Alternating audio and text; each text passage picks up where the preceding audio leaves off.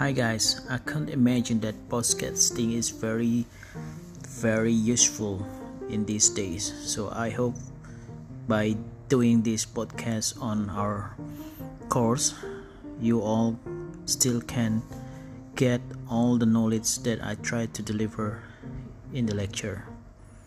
Thanks again.